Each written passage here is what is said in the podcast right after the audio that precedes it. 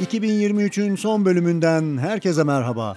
Bilge Elitok'la başladığımız Türkiye'den Norveç'e program dizisinin dördüncü ve son bölümündeyiz. Bilge'nin İstanbul'dan başlayıp Nordkap'a uzanan yolculuğunun belki de en heyecanlı rotası olan kuzey ülkelerindeyiz.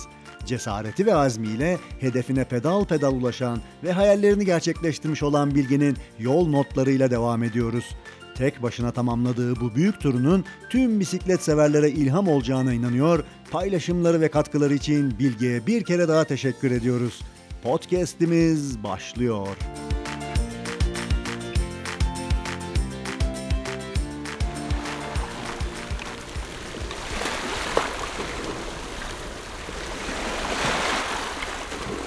En stor oppdagelse fra Istanbul til Nordkapp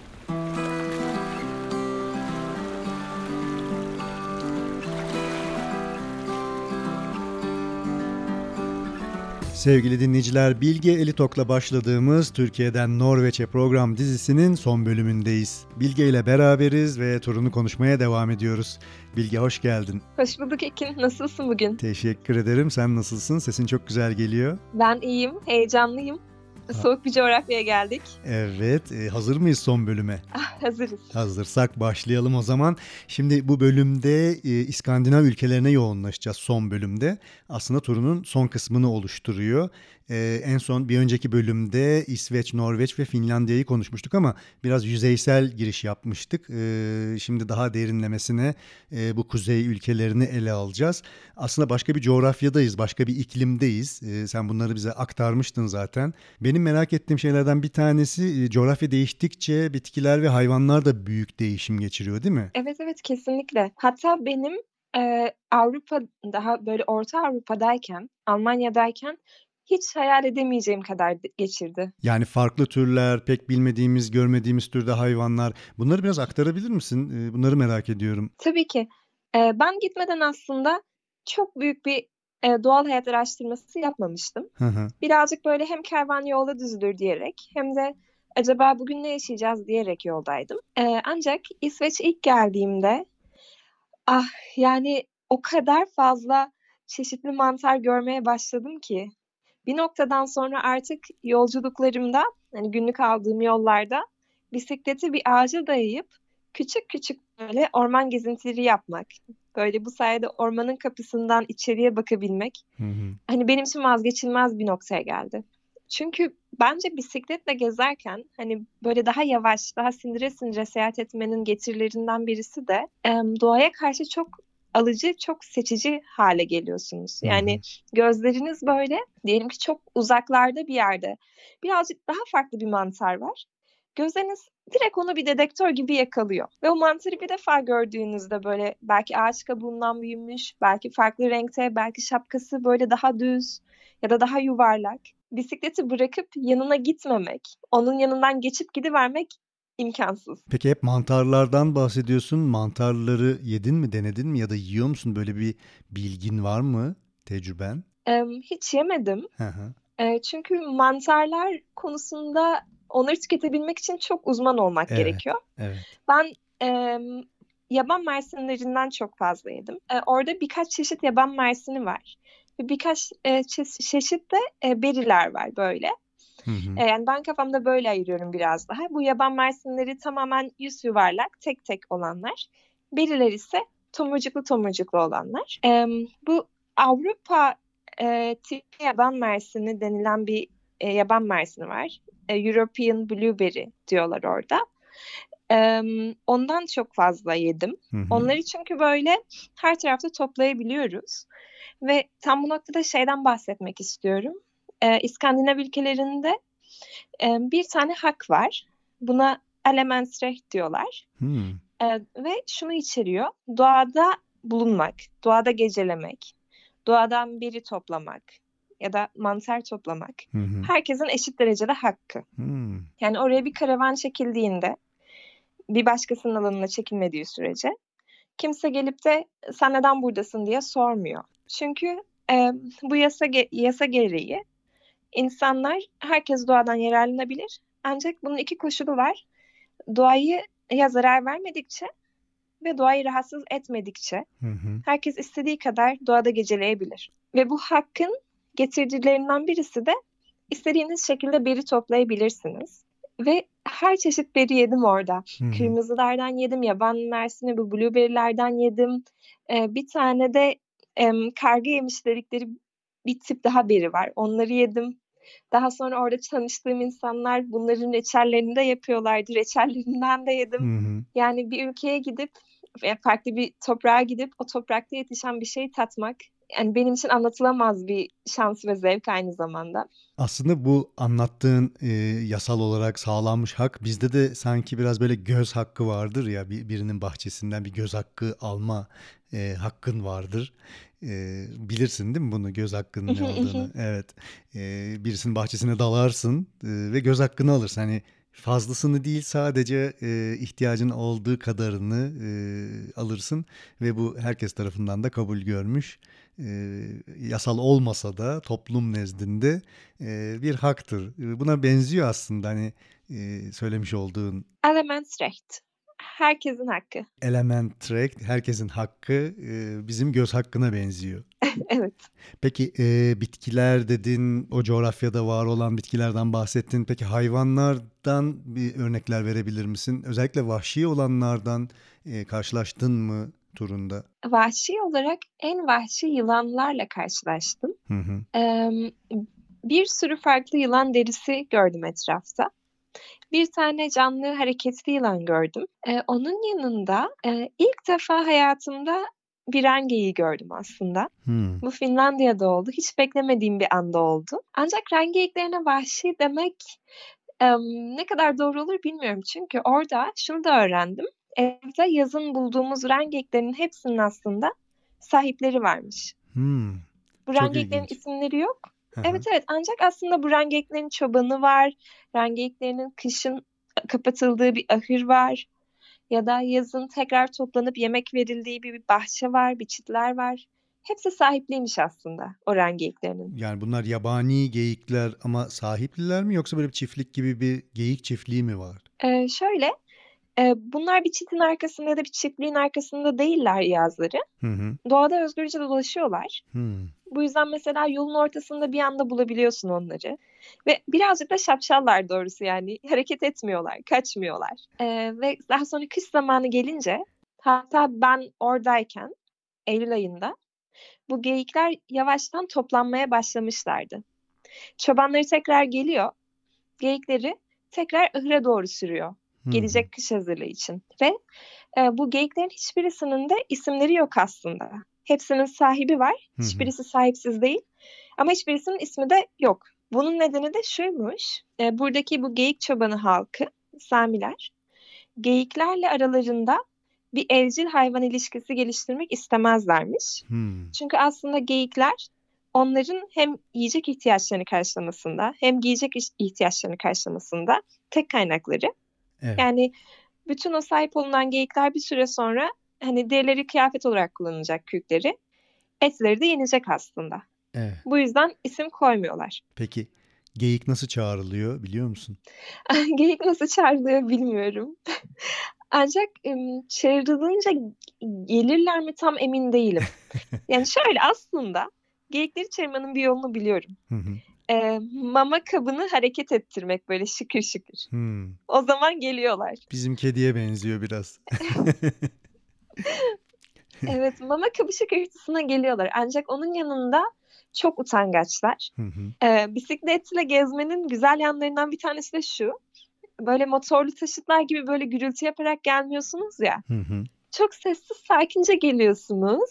Geliyorsunuz geliyorsunuz yaklaşana kadar haberi olmuyor. En böyle yakın anına geldiğinizde geyiğin bir anda sizi fark ediyor. Ama siz çoktan ona yakından bakabilmiş oluyorsunuz zaten. Fark edince de böyle kaçarmış gibi yapıyor ama tam da çok kaçmıyor yani. Tek hareket et- ederek kaçmıyor. Böyle sanki birazcık formaliteden kaçarmış gibi yapıyor doğrusu. Ee, şeyleri biliyorum bu arada Ekin.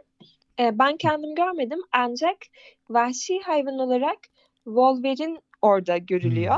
Ee, onun yanında şey var. Ee, elk.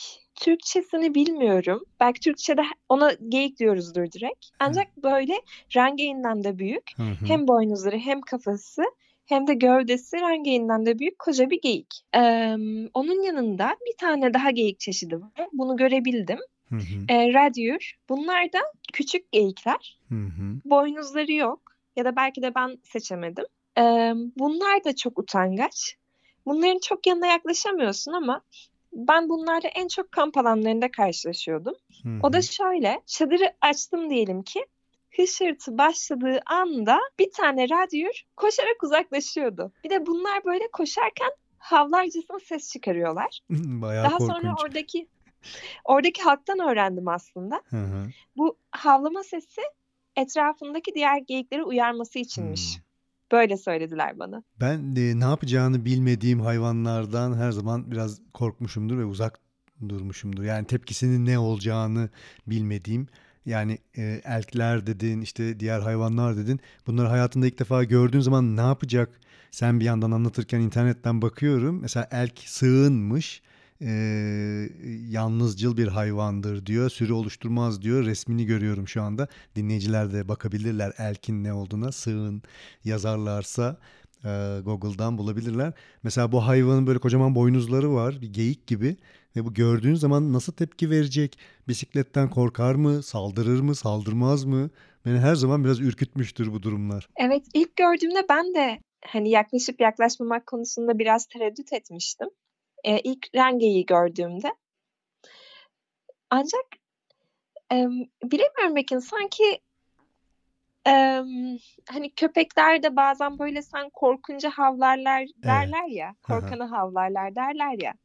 Sanki orada ondan korkmadığım için bana zarar vermeyecekmiş gibi bir hissettim. Biraz hissel olarak yaklaştım hı. aslında. Hı hı. Ee, bir de ben bu rengeyiğini en hazırlıksız olduğum anda görmüştüm. Ee, ben aslında İsveç'teyken gözlerim sürekli rengeyi aradı. Ama böyle sürekli oraya bakıyorum, buraya bakıyorum, uzaktan gördüğüm şeyleri rengeyine benzetiyorum. Hı hı. Ama bir türlü göremedim. Sonra Finlandiya'ya geçtiğimde hiç beklemediğim bir anda yolun tam ortasında böyle kocaman bir cisim gördüm gri renkli. Bir baktım yakından gri bir rengeyi. Ve hiç beklemediğim anda o rengeyi karşıma çıktı. Bu da çok enteresandı. Yani Hı hı. arıyorum arıyorum arıyorum bulamıyorum. Bir anda Vazgeçince şak orada. korktu mu? Kaçtı Biraz- mı? Ne yaptı? Evet evet birazcık korktu. Ama Hı hı. kaçarken böyle önce bir hızlı adım attı. Hı hı. Sonra çok da umursamadı açıkçası. Yavaş yavaş böyle tıkır tıkır gitti. Bir de böyle topuklu ayakkabı giymiş gibi yürüyorlar. O da güzel. Komik hayvanlar doğrusu baya. Peki Finlandiya'ya geçtin. Ee, İsveç Evet. üzerinden Finlandiya'ya geçtin. North Cape'e doğru gidiyorsun. Finlandiya'yı biraz anlatır mısın bize? Ben e, Finlandiya'ya çok stratejik bir giriş yaptım doğrusu. E, İsveç'te en son Pajala denilen bir şehir var. Ve burada o zincir marketlerden bir tane daha vardı. Hı hı. E, bu Pajala'dan ben bütün bu müslileri, kiloluk kiloluk müslileri doldurdum bisiklete. Sonra e, gördüm işte Finlandiya diyen tabelayı ve gidiyorum. Sonra geçtik o gün Finlandiya'ya. Dedim ki vay canına burası nasıl bir yer böyle? Çünkü e, sanki sadece sınır geçtim, sadece bir nehir geçtim. Ancak iklim birazcık değişmiş gibiydi. Gökyüzü birazcık değişmiş gibiydi. Hmm. Bilmiyorum ben mi öyle hissettim e, yoksa gerçekten değişmiş miydi? Hı hı. Ama sanki böyle bir bilgisayar oyunundaymışım gibiydi yani o kısım. Sonra Finlandiya'da benim 24. doğum günüm gerçekleşti. Oo, süper. Evet.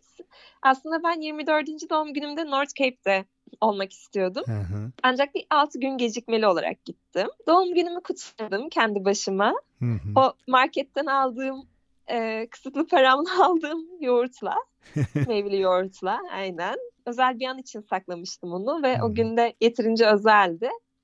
Güzel güzel meyveli yoğurtlarımı yedim. Doğum günümden ertesi gün 29 Ağustos'ta e, Sikka denilen bir şehirde Hı hı. sınıra çok yakın e, bir e, Sırbistan'dan Finlandiya'ya göç etmiş bir e, şefin evinde kaldım aslında. Hmm, Warm Showers'tan e, onunla iletişime geçmiştim. Evet. Ve Balkan misafirperverliği gerçekten had safhadaydı. Hani e, Zoran yani o kadar güzel baktı ki bana. ve aynı zamanda Ekin yani aç ve üşümüş bir bisikletçinin Hı bir hı. şefe misafir olduğunu düşünsene. Evet. Cennet gibiydi. Yiyecekler harikaydı. Hala unutamıyorum. Sana güzel bir doğum günü hediyesi olmuş sanki. Kesinlikle, Evet. kesinlikle. Ve tabii ki biliyorsun onlar da Sırbistan, e, Sırplar da em, börek konusunda Hı uzmanlar. hı. Türkler de börek konusunda uzmanlar. O yüzden tam e, kendi damak tadıma uygun şeyler yemiştim. Sonra Sirka'dan sonra çok güzel böyle tam dünyanın sonu enerjisi olan yollardan geçip son büyük şehre ulaştım. Yani büyük şehir denemez ama en azından içinde market bulabileceğimiz bir kasaba. Hı hı. Enontekiö ve Enontekiö'deyken kafamda tek düşünce şuydu. Tamam bisiklet bozulmasın. Bisiklet bozulmazsa ben her şekilde bu yolu giderim. Hı, Ne kadar yolun kaldı oradan sonra? Ee, böyle bir 500 kilometre kalmıştı Hı. yanlış hatırlamıyorsam. Hı. Ve kafamda tek şey bisiklet bozulmasın. Çünkü ben artık her şekilde bunu bitireceğim. Ve sonra bu Enontekiö'den ilk Norveç şehrine yani Kautokeino'ya giderken ki o yoldayken ben yalnızca şeyi kabul ettim. Dedim ki tamam bisiklet bozulsun. Ben yürümeye de razıyım aslında bu yolu. Ve bunu gerçekten içtenlikle kabul ettim Ekim biliyor musun? Yani dedim ki hani kendi kendime hesapladım. Günde 50 kilometre yürüsem, Hı hı. 100 kilometre sür- sürsem 4 günde, 5 günde ulaşıyorum. E, Kautokeino'dan sonra 4 günde. Tamam günde 50 kilometre yürürsem 8 günde ulaşırım. Ama yine de ben bunu yürüyeceğim dedim. Peki En kötü tur, tur- turunun sonuna gelirken niye böyle bir hissiyata kapıldın? Onu anlamadım. Acaba bir bisiklette bir takım teknik sıkıntılar mı e, baş göstermeye başladı? E, sanırım bisikletin üzerine binen kilometrelerin çok farkına varmaya başladım o Hmm. noktada. Çünkü 6000 olmuştu artık. Hı hı. Ve em, hani neden bu her şey yolunda gitsin ki diye de düşünmeye başlamıştım. Biraz bence tur bitiyor, psikozuna girmişsin. E, Biraz pesimizm gelmiş gibi gel- e, anladım şu anda. Evet evet yani mesela turun ortalarındayken sürekli olarak kafamdaki düşünce şuydu. Hani hep ya bu kötü şey olursa şu kötü şey olursa diye düşündün Bilge. Şu anda da şunu düşün. Ya her şey çok yolunda giderse. O da kötü değil mi? E, yo aslında her şey ya her şey beklemediğim şekilde yolunda giderse. Hep kendimi kötüsüne hazırladım ya. Hep bir Evet. sorun şuradan mı çıkar, buradan mı çıkar diye düşünürken aslında her şeyin yolunda git- gitme ihtimalini çoğu zaman düşünmüyoruz. Şimdi bunun peşine düş bakalım Bilge dedim yani. Ya her şey yolunda giderse. Ve ben kendimi yürümeye de hazırladım. Yani her şekilde ben o anın gerçekliğini kabul ettim. O anda ne yapmak zorunda kalırsam kalayım. Bunu yapmayı kabul ettim ve bu kabulden sonra gerçekten bir özgürleşme geldi açıkçası. Bu kabulden sonra etrafıma bakmaya daha fazla zaman ayırdım. Çünkü zaten yürüyeceğimi biliyorum, yürüyebileceğimi biliyorum artık. Hani ayaklarım beni götürdükçe gidebilirim me döndü. Bisiklet bozulmasından tamam ayaklarım oldukça bu yolculuk devam edecek. Yani sen olası korkularından sıyrılmışsın bir anda. Bisiklet olmasa da işte e, başıma şöyle bir şey de gelse, bisiklet de bozulsa ben artık bunların hiçbirini takmıyorum ve ben yürüyerek bile bu turu tamamlayacağım diye kafana koymuşsun. Sanki bütün olumsuzlukları kafandan sıyırıp atmışsın gibi. Evet ve bu çok özgürleştiriciydi. Evet. Benim Norveç'teki rotamdan birazcık bahsetmek istiyorum. Hı hı. Çünkü bu kadar kolay sıyrılamadım tabii ki. Ben şöyle düşünmüştüm. Burada Alta denilen bir şehir var Norveç'te. Em, Benim buraya aslında gitmem gerekmiyor. Çünkü birincisi burası büyük bir şehir gibiydi. E, Onun yerine ben bu Rengey çobanlarının em, orijin olarak bulunduğu noktalardan birisi olan Karasjok şehrine gidecektim. Yani aslında birazcık böyle S gibi bir şey çizmiş olacaktım. Evet. Bu da altın şehrine girmek istemediğim içindi. Daha sonra em, tabii ki ben planlar yaparım ancak hayat bunlara yalnızca güler. Öyle bir fırtına çıktı ki Ekin. E, Norwich'in fırtınası da baya kötü oluyormuş. Bunu da öğrenmiş oldum. Tam yol ayrımına gelmeden önce bu fırtına bastırınca ve benim bisikletin bozulmasıyla ilgili korkularım da tekrar pusuya yattıkları yerlerden çıkınca Hı hı. ben dedim ki tamam 100 kilometre içinde bisikletim bozulursa en azından gidip parça alabileceğim ya da e, bir şekilde e, hani son paramı harcayabileceğim bir yer olsun diye. Hı hı. Karaşoğa gitmek yerine o yol ayrımından ben hiç hesapta olmayan Alta şehrine gittim. Ee, giderken de e, daha önce hep warm showers kullanmıştım ya. Evet. O noktada artık hiçbir warm showers yok. Ee, bir yandan da e, kitap e, bundan söz etmiştik sanırım. Kitap yazıyordum. Bu olaylar bağlantılı olduğu için şunu da anlatmam gerekiyor. Sırp Şef'in evindeyken bana Couchsurfing'den insanlara yazıp onlarla iletişime geç, geçebileceğimi söylemişti. Ben de böyle hani olur da altadan geçersem diye oradaki birisine yazmıştım. Demiştim ki ben böyle böyle kitap yazıyorum. Ee, sen de bana böyle Sami geleneklerini anlatmak ister misin? Hmm, çok güzel. Evet bunu da kitabıma eklemek istiyorum diye. Ee, ancak daha sonra ben Karaşar'a gideceğim için tekrar iletişime geçmedim. Hani çok üzerinde durmadım bunun. Ama hop bir fırtına ve hayat beni işte o Sami insanın olduğu Alta şehrine attı. Bu sayede benim kitaba Sami geleneklerini ekleme imkanım da oldu. Harika. Güzel bir tesadüf ve güzel bir yönlendirme olmuş. Evet. Çünkü sadece kendi dilleri var Ekin, Sami dilleri var Hı hı. ve Norveççeden çok farklı ve büyük bir literatürleri var ve Samiler e, her şeyden çok doğayı ve doğanın yapı taşlarını çok kutsal sayıyorlar. Hı hı. Örneğin onlar için taşlar kutsal ve bu kutsal taşlara seyde diyorlar. Bu kutsal taşlarla herkes konuşamıyor. Konuşabilen bazı belli kişiler var ve diyelim ki güzel geçen bir hasat olması için ya da güzel geçen bir av olması için bu seydi denilen taşlara adaklar bırakıyorlar. Örneğin bu bir rengeyi boynuzu olabilir. Bunları öğrendim ve Alta'dan sonra tekrar North Cape'e doğru devam ettim.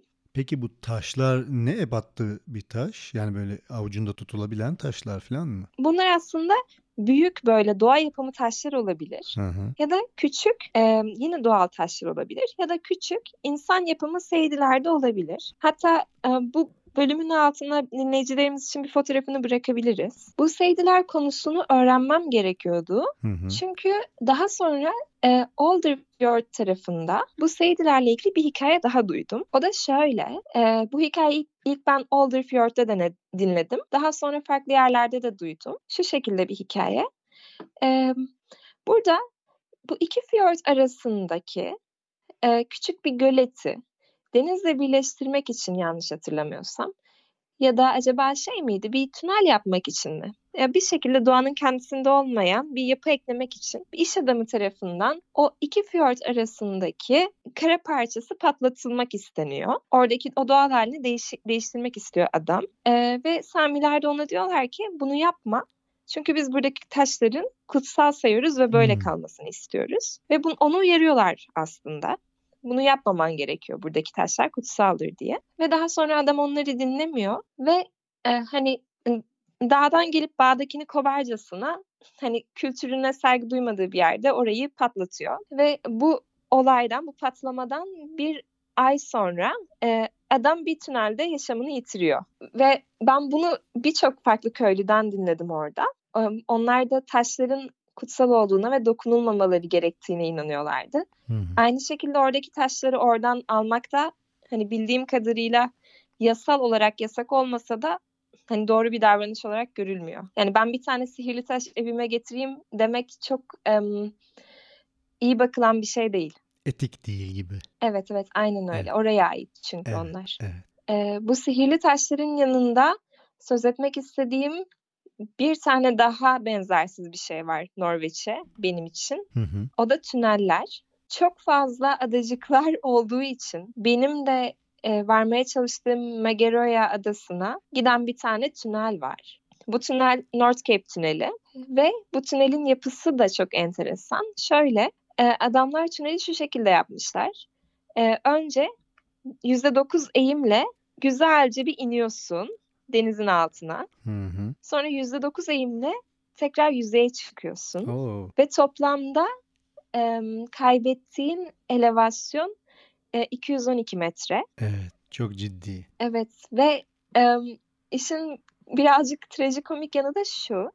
North Cape tüneli en son tünel yanlış hatırlamıyorsam. Hı hı. A, pardon sondan ikinci. Burada toplamda 3 tane tünel geçmiş olmam gerekiyor ardı ardına. Uzun sayılabilecek. Ve ilk tünelde bisiklet yolu var. Çok Ancak güzel. kalan ikisinde yok.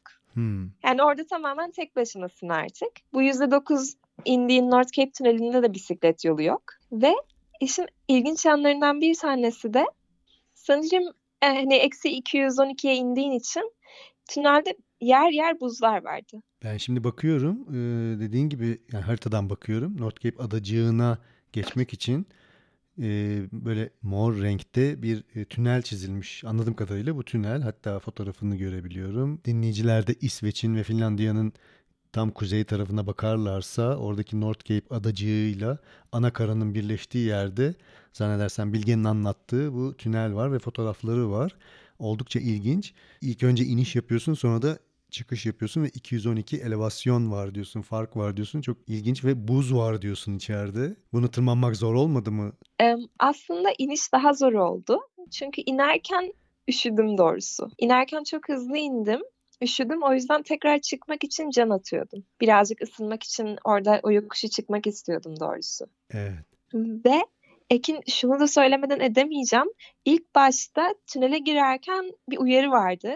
Dikkat tünel içinde sis var diye. Ben dedim ki herhalde hani böyle küçük bir şeydir ya da ne denir dağınık bir şeydir diye.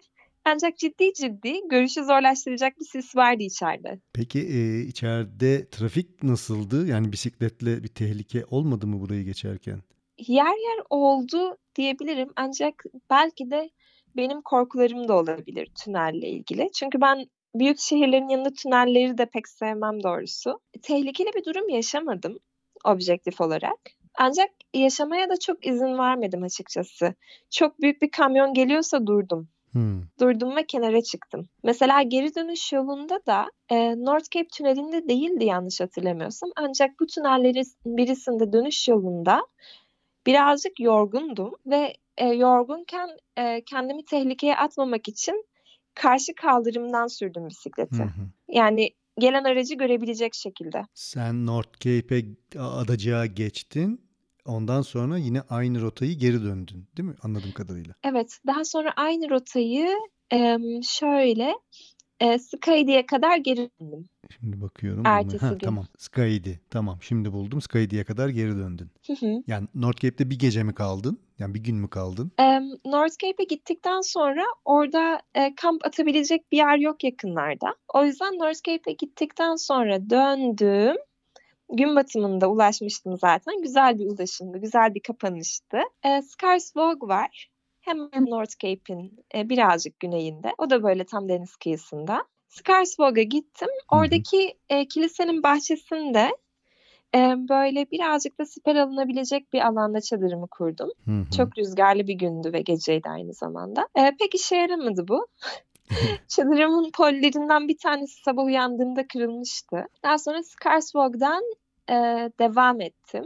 Yine geldiğim yolda. Zaten tek bir tane yol var. E69.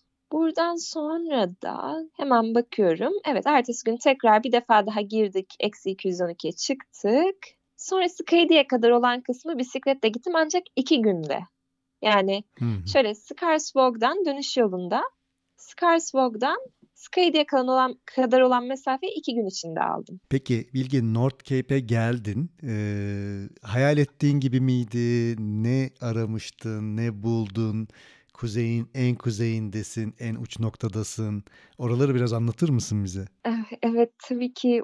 Yani kesinlikle bir süredir zaten şey vardı hani dünyanın ucuna geldim hissi evet. her yerdeydi. Hı hı. Bütün coğrafyadaydı. Gördüğüm her şeydeydi. Çünkü tamamen bir um, uçsuz bucaksızlık içindesiniz. Yani denize bakıyorsunuz ucu yok, bir şey görünmüyor. Belki hemen yandaki fjord görünüyor. Hı hı. Ama onun dışında bir şey görünmüyor ileriye bakınca. E, zaten fjordun yanından kırıla kırıla giden bir yolda sol tarafınız tamamen böyle kaya ve yol ileriye doğru gidiyor yalnızca. Hiçbir yere dönüş yok. Böyle çok e, ne denir dik bir şekilde yol bittiği için kenarda bazen araçların durması için olan ceplerin yanında hani kamp atılabilecek düzgün bir alan yok. Yani tek tek çözüm ileri ve ileriye doğru gidiyorsunuz, gidiyorsunuz, gidiyorsunuz. Tünele girdiniz, çıktınız. Megaroya adacığındasınız. Hatta dinleyicilerimiz e, haritadan takip ederlerse bu anı benimle birlikte yaşamalarını çok isterim tekrardan. Ben tekrar anlatırken dahi çok heyecanla anlatıyorum doğrusu. Magaroya adacığındasınız. Tünelden yeni çıkmışsınız ve artık Norveç'in en kuzeyindeki adacıktasınız. Buradan artık e, Kamöver'den sonra böyle Kamöver denilen küçük bir kasabaya ayrılan bir yol var. Ancak siz E69 üzerindesiniz. Ve artık Fjord'un yamacından seyretmeyeceksiniz de Fjord'un üstüne doğru çıkmanız gerekiyor. Bu nedenle bu kıvrımlı yolların bir kısmı sizi yukarıya çıkarıyor. Fjord'un üstünde böyle önce uzunca bir iniş, uzunca bir çıkış ve bunu böyle bir 10 defa falan tekrarlamalardan sonra en son tepenin arkasında artık North Cape var sizin için. Ve North Cape'e geldikten sonra daha kuzeyi yok. Daha kuzeye bisiklet süremiyorsunuz. Hı hı. O yüzden ben bu an anlatırken hep o en son tepeyi çok net gözümde canlandırabiliyorum. O son tepecik ve o tepeyi açtıktan sonra arkasında uzaktan o North Cape anıtını gördüğüm an zihnimde canlanıyor. Çok net, çok canlı şekilde. Son tepeciyi açtıktan sonra benim için gün batmıştı artık. Böyle gökyüzü pes pembeydi. Ve North Cape'e geldim. Büyükçe bir otoparkı vardı. Ee, sanırım bir kafe gibi bir şey de vardı orada. Ancak benim gibi artık e, parası kalmamış insanlar için böyle bir ihtimal yoktu yani. Ee, North Cape'e geldikten sonra e, bisikletimi e, yanıma aldım. Bisikletimden indim. İnsanlar fotoğraf çekiniyordu önünde. E, sıra bekledim birazcık. Onu beklerken üşüdüm böyle katlarımı tekrar üstüme giydim. Bir tane fotoğrafçı vardı o esnada. Onunla sohbet ettim birazcık. O da Almanya'dan geliyormuş. 10 gün önce Almanya'dan yola çıkmış.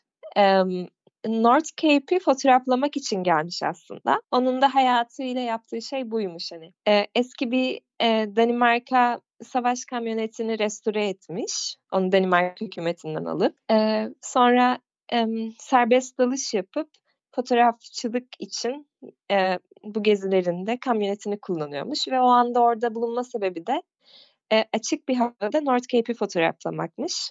E, ve e, o fotoğrafçıyla birazcık sohbet ettikten sonra tabii ki ben de fotoğrafımı çekindim North Cape anıtının önünde. Ve e, baktım ki saat 8 olmuştu. Yani birazcık da gitme vaktiydi benim için. Ancak orada oraya tekrar tekrar varan insanlar oluyordu. Mesela bir tane motosikletli geldi. Onunla konuştuk, fotoğraf çekindik.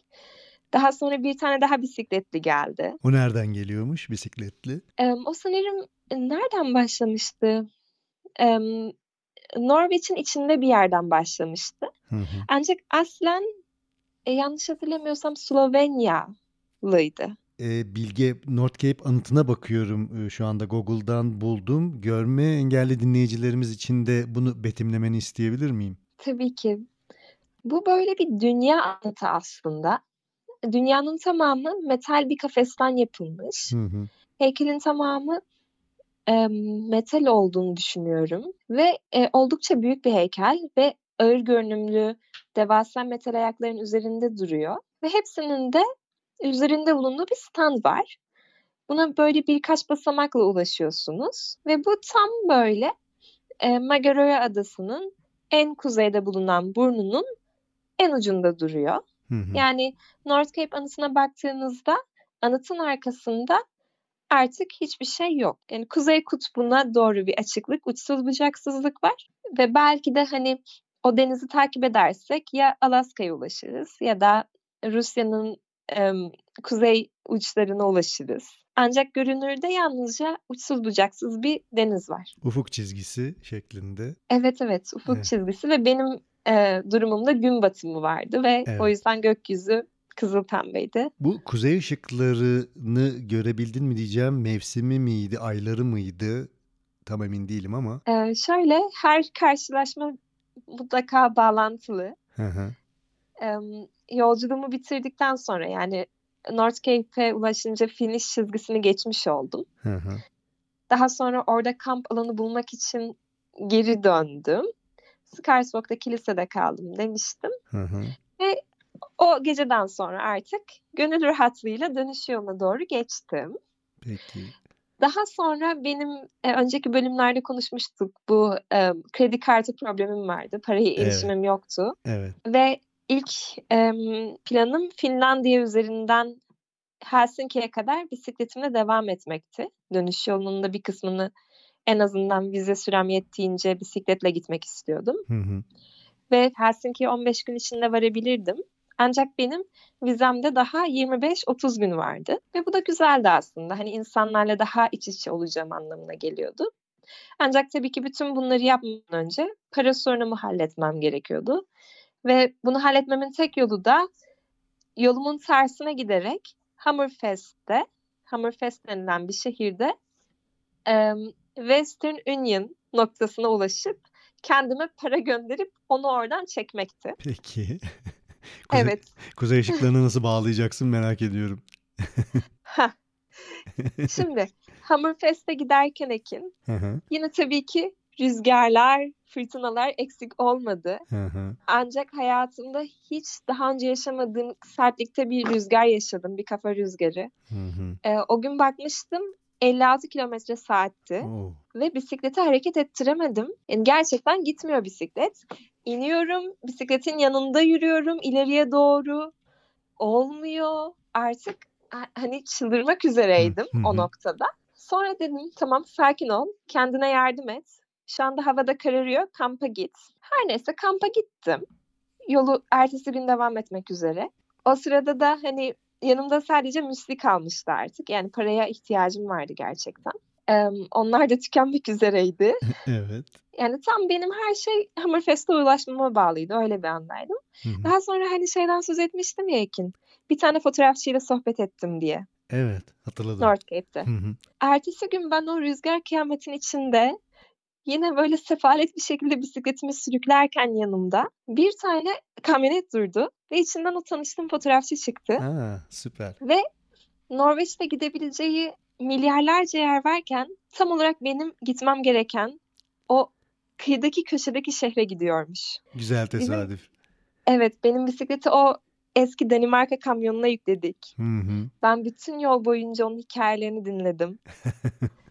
Ve Hammerfest'e ulaştım. Bu tesadüflerin birisi. Paramı aldım ve daha sonra yoluma devam ediyorum. Sonra tekrar bir fırtına. İlk başta daha da girmek istemediğim şehre tekrar girmek zorunda kaldım Altay'a. Ve Alta'da bu sefer daha önceden edindiğim bir arkadaşımın yanında zaman geçirirken bana şunu teklif etti. Burada biraz daha kalmak ister misin? Ben de bisikleti sürmenin nasıl bir his olduğunu biliyorum ancak bir yerde kalıp o o yerin insanlarıyla karşılaşmak için yolculuğun başından beri zamanım olmamıştı. Orada kaldım ben sonra. 25 günümü orada geçirdim ve Hmm. bir kafede gönüllü olarak çalıştım aslında. Oo, çok güzel. Dili öğrenebilmek için. Çok güzel. Ve benim oradaki o kalma teklifine evet demem. Kafede çalışmaya evet demem. Bütün bunlar birleşince Hı hı. ben hayatımdaki ilk kuzey ışığını o kafede çalıştığım gün işten çıktığımda gördüm. Çok güzel Bilge. Yani bence bütün turunun en güzel kısmı son son 25 gün ya da bir ayki kısmına denk gelmiş gibi geldi bana. Yani North Cape'e ulaşmak bir hedefti. Onun için çok uğraştın, çabaladın. Ama ondan sonraki kısım daha renkli ve eğlenceli olmuş gibi geldi bana. Evet ve hatta belki de kredi kartımı kaybetmem bile aslında Evet. şuna vesile oldu. Ben Hammerfest şehrine gidince Ekin orada e, bu koca bisikletin arka planını sordular tabii ki. Ben de anlattım İstanbul'dan geliyorum diye. Sonra ben orada Hammerfest'teki o gazete, Hammerfestingen gazetesi benimle röportaj yaptı. Hmm. Evet, e, böyle bir e, gazete haberi bastılar benim fotoğraflarımla. Hı hı. Çok tatlıydı ve ben oraya yalnızca kredi kartımı kaybettiğim için gitmek zorundaydım aslında. Ve hatta bu gazete haberinden etkilenip e, daha sonra bu kuzey ışıklarını gördüğüm e, şehirdeki işime kavuşmuş da olabileceğimi düşünüyorum. Çünkü Evet. sanırım o gazete haberinden etkilenip bana bunu teklif ettiler. Birçok halka birbirini bulmuş e, ve tamamlamış gibi e, gözüküyor. Zaten sen Kesinlikle çılgınca. kesinlikle. Yani bir karşılaşma hani daha önceden de söylemiştik Yunanis- Yunanistan'daki karşılaşmamızı Evet. tasvir ederken bir karşılaşma nelere kadir diye. Evet. Gerçekten de öyle. Yani bir karşılaşma nelere, nelere kadir hiçbir zaman bilemiyorsun. Yani ben hep şunu düşündüm aslında yolda. Sanırım ilk bölümde de bunu konuşmuştuk. Hani hayat ileriye doğru yaşanır Hı hı. ancak anlamlandırılması geriye dönüp bakarak olur. Hı hı. Yani ileriye doğru yalnızca yaşadım orada. Ama şu anda seninle beraber geriye dönüp baktığımda bütün karşılaşmaların aslında birbirini tamamlayıcı ve neredeyse tesadüf değil diyebileceğimiz Hı hı. kadar birbirinden ayrılmaz olduğunu farkına varıyorum. Evet, bisiklet turlarının aslında böyle büyülü bir e, tarafı da var. Yani bunu daha önce de konuştuk, e, hangi bölümde hatırlamıyorum ama e, diğer ulaşım araçlarından çok farklı bir yere sahip. Yani uçakla gittiğin yer, arabayla çıktığın yolculuk ya da başka işte otobüsle gittiğin yerlerde e, yaşayacakların az çok biraz belli. Yani bir turist olarak e, bu ulaşım araçlarından bir tanesiyle gittiğin zaman seni bekleyen bir takım e, şeyler var, hayatlar var, hazır kurgulanmış senaryolar var. Oteli var, işte otobüsün duracağı yer var, e, gideceğin yerler biraz belli, biraz böyle paket program gibi ama bisiklet öyle değil. Bisiklet e, bir yol ayrımına gelirsin, sağdan mı gideceğim, soldan mı gideceğim, e, rüzgar sağdan sola doğru esiyordur, rüzgara kapılır gidersin, çok başka şeyler yaşarsın. Yolda Aynen biriyle öyle. tanışırsın, birine denk gelirsin.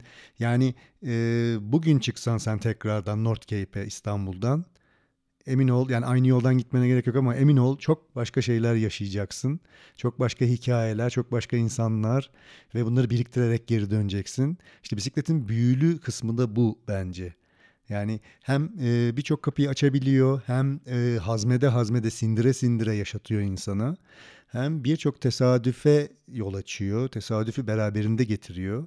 Tıpkı verdiğin örnek gibi hani bizim tanışmamız, işte senin e, kuzeye gittikten sonra kuzey ışıklarını görmen, orada çalışman, orada kalman, gazeteye çıkman gibi gibi gibi aslında birçok turcu e, aynı şekilde illa e, sınır ötesine gitmeye de gerek yok. Yani ülkemizde de çıktığın birçok e, turda çok farklı şeyler deneyimleyebiliyorsun. Bu, bu insana çok fazla şey katıyor. Dolayısıyla ben çok Evet. çok önemsiyorum. Yani turculuğu çok önemsiyorum. Bisiklet turculuğunu çok önemsiyorum. Her geçen günde yeni yeni bisikletçiler e, turculuğa başlıyorlar ya da geliştiriyorlar. Daha uzak noktalara gidiyorlar. E, bu yaptığın tur da bence çok önemli. Aktardıkların da çok değerli. Em, Turculardan bahsetmişken e, sanırım en enteresan tesadüflerden birisi de şuydu. E, orada e, Alta şehrinde em, Arktik Üniversite'nin bir kampüsü var. Ancak kış turizmiyle ilgilenen bölümleri var orada yalnızca. Hı hı. Ve ben orada em, hani olur da belki bir gün eğitim için buraya gelebilirsem diye bir üniversitedeki o profesörlerden bir tanesiyle bir görüşme ayarladım. Hı hı. Ee, hani internet sayfasında ulaşabildiğim em, rastgele bir isimdi aslında görüştüğüm profesör. Ancak hikayemi birazcık dinledikten sonra bana kocaman bir tane kitap getirdi ve kitapta bir bölüm gösterdi bana. O bölümde İsveç'ten bir tane adam, profesörün arkadaşı aslında. North Cape'ten başlayıp Ekin tam tersi İstanbul'a gittiği yolculuğunu yazmış. Hmm, süper. Ve bu profesör de bu rastgele benim internet sayfasından bulup görüştüğüm profesör de North Cape'ten İstanbul'a olan yolculuğun bir kısmında ona eşlik etmiş. Ve e, inanılmaz bir tesadüftü. Bir de haritasını da oraya koymuş. Yani benim geçtiğim rotanın tersini görmek orada. Evet. Onu bulmak. Bunların hepsi çok enteresandı. Ve şeyden bahsetmiştin ya hani bisiklette e, belli bir e, rehberliği, rehberliğin sınırları içinde değilsin diye. Hı hı, hı. Mesela benim kuzey ışıklarıyla ilk karşılaşmam da bence bisikletin üzerinde olduğum için gerçekleşti. Hı hı. Çünkü arabanın içinde olsaydım kafamı kaldırıp göreceğim ilk şey arabanın tavanı olurdu. Ve kuzey ışıkları karşımdaymış gibi değil de kafamın üstündelerdi. Yani kafamı kaldırıp baktığımda Hı. ancak görebilecek bir noktadaydım. O yüzden büyük ihtimalle bir arabanın içinde arabanın bana verdiği ekran görüntüsü olsaydı karşımda fark etmeden geçebilecektim ki belki de birçok insan o anda fark etmeden geçti. Ancak kafamı kaldırabileceğim bir aracın üzerinde olduğumda kuzey ışıklarıyla gözlerim buluşmuş oldu. Evet, bir arabanın içerisinden bakıyor olsaydı muhtemelen dışarısı soğuk diye camı da açmayacaktın. Böyle tam bir ekranın, bir cam ekranın tıpkı televizyon izliyor gibi cam ekranın arkasından Çoğu insan da öyle yapıyor olabilir. O yüzden bisikletin en büyük avantajı da bir e, cam mekanının olmaması. Bütün soğuğu iliklerine kadar hissedebilmen, bütün kokuları, Evet. soğuğu, e, iklimi e, ve dediğin gibi 360 derece kafanı çevirebildiğin kadarıyla daha doğrusu öyle diyeyim. E, her tarafa hakim olman e, ve gözlemleyebilmen en büyük şanslarından bir tanesi. Bölümü bu arada e, kapatırken şunu da söylemek istiyorum. Hı hı. E, çünkü tam bu noktaya çok uygun olduğunu düşünüyorum. E, ekrandan bahsetmiştin ya, e, o ters yöne giden, North Cape'den İstanbul'a giden bisiklet yolcusu da e, seyahati için şunu yazmıştı, o bölüm için özellikle. E, filtresiz seyahat Hmm. yazmıştı. Hı hı. Aynen öyle. Hiçbir filtre olmadan yapılan bir seyahat bu. Çok güzel, çok güzel bir noktaya değinmiş. Kesinlikle e, tamamen e, hiçbir filtre yok. E, kendi bakış açınla, kendi gördüklerinle e, yol alıyorsun. Çok önemli. Bilge programımızın sonuna geldik. E, biliyorum e, çok da e, süreyi uzattım, e, kontrol ettim şimdi. Ama son bölümün günahı olmaz. Ben bitirmeden birkaç bir şey daha sormak istiyorum sana. E, şimdi bu rotayı yapmak isteyen dinleyicilerimiz olabilir. Ee, bu rotadan daha kısasını yapmak isteyen olabilir. Avrupa'ya gitmek isteyen ya da Balkanlarda bitirmek isteyen olabilir. Ee, ya da tamamını yani senin yaptığın rotanın tamamını da e, yapmak isteyen olabilir. Şunu e, sormak istiyorum. Dinleyicilere ne önerirsin? Özellikle kadın dinleyicilerimize ne önerirsin? E, nasıl hazırlansınlar? E, sen turuna ne kadar çalıştın? Rotayı ve planlamayı e, planlama için ne kadar e, süre ayırdın ve çalıştın? Bunları biraz özet olarak bize aktarabilir misin? Tabii ki. E, sorunu öncelikle çok iyi anladım. Bunu söylemek istiyorum. E, çünkü benim büyüdüğüm şehirde de e, kadınların erkeklere göre daha az, belki çok daha az outdoor aktivitelere erişimi vardı. Hı hı. O yüzden ben de çok tecrübeli değildim doğrusu. E, solo ve kadın olarak bunu nasıl yapacağım konusunda. Ve korkularım çok fazlaydı. Hı hı. Ancak e, bunu birazcık sanki o noktadaki kendime dönüşlü olarak, bir öneri olarak sunmak istiyorum. E, kendime önerim şu olurdu. Başkalarının korkularını dinlememenin yanında acıya olan bakışım benim değişti. Ve bu değişimi ben daha erkenden pratik etmeye başlayabilirdim aslında. O da şu, e, acıyla olan ilişkim daha çok e, sabır ilişkisine dönüştü. Yani şöyle, o anda bir e, isteğim veya bir ihtiyacım varsa, bu susuzluk olabilir, açlık olabilir, uyku olabilir, rahatlık, güvenli bir yerde uyuma isteği, özellikle en başlar için. E, bu isteğimi o anda karşılayamazsam aslında çok da bir şey olmadığını yani. Ölüm kalım meselesi olmadığını öğrendim. O yüzden e, kendi korkularıma karşı da gözüm açık olmayı kendime tavsiye ederdim. Gözümün açık olmasını aslında. Ve e, bu düşünce e, belki çok fazlaca iyimser gelebilir ancak kendi tecrübelerim şu yönde oldu. Bence dışarıdaki insanlar bizim hayal ettiğimizden daha iyiler. En azından benim hayal ettiğimden çok daha iyi niyetlilerdi. Ve bu noktada ya her şey yolunda giderse sesine biraz daha kulak vermek kesinlikle tavsiyelerimden olurdu. Şimdi biraz daha somut olanlara geliyorum. O da şu. Silah olarak mesela ben yanımda hiçbir silah yoktu. Hani Hı hı. kendimi savunabileceğim. Evet. Ancak bir başkası bana silahın var mı? Kendini nasıl koruyorsun diye sorduğunda ona silahım var demeyi öğrendim. Hı hı. Yani bu e, işe yarar bir şey mi? Belki de işe yaramıştır ve buradayım bilmiyorum ama hani o anda özellikle e, o içgüdüsel olarak kendinizi güvende hissetmediğiniz birisiyle bir konuşmanın içindeyseniz ki hani bir turist olduğunuz için sonuç olarak bu konuşmalar çok gerçekleşiyor. O e, iyi hissetmeniz bir konuşmanın içinden kesinlikle çıkmanızı çok tavsiye ederim. Yani o anda hayır deyip gitmem gerekiyor deyip çıkmak kesinlikle benim yolculuğumu çok daha kolaylaştırdı. Hı hı. Ya da e, o kendini nasıl savunuyorsun sorularına yanımda silah taşıyorum diye bir paravan paravan koymak. Bu güvende hissetmediğinizde işinize yarayabilir. Onun dışında e, GPS e, cihazı bana takmak istemişti annem. Ancak ben onun e, zihnini ve düşüncelerini rahatlatmanın daha ucuz bir yolunu buldum. E, iPhone'umu bul uygulamasına kendi telefonumu kaydettim. Ve em, endişelendiğinde oradan bana bakabildi ve bu sayede hani seyahatteki müsli paramı GPS cihazına vermemiş oldum ben de. Bu tarz küçük hilelerle hani e, birçok şey kolaylaştırıp daha hesaplı hale getirilebiliyor. Bilge aktardıkların çok değerli. Çok teşekkür ederim. Programın sonuna geldik. E, Dört bölümde bize yapmış olduğun turundan detayları aktardın. Faydalı bilgiler verdin. Tecrübelerini dinledik. Belki biraz uzun konuşmuş olabiliriz. Bölümler biraz uzun tuttuk sürelerini ama bence çok faydalı oldu. E, katılımın için çok teşekkür ediyorum. Ben de çok teşekkür ederim Ekin. Yani çok keyif aldım.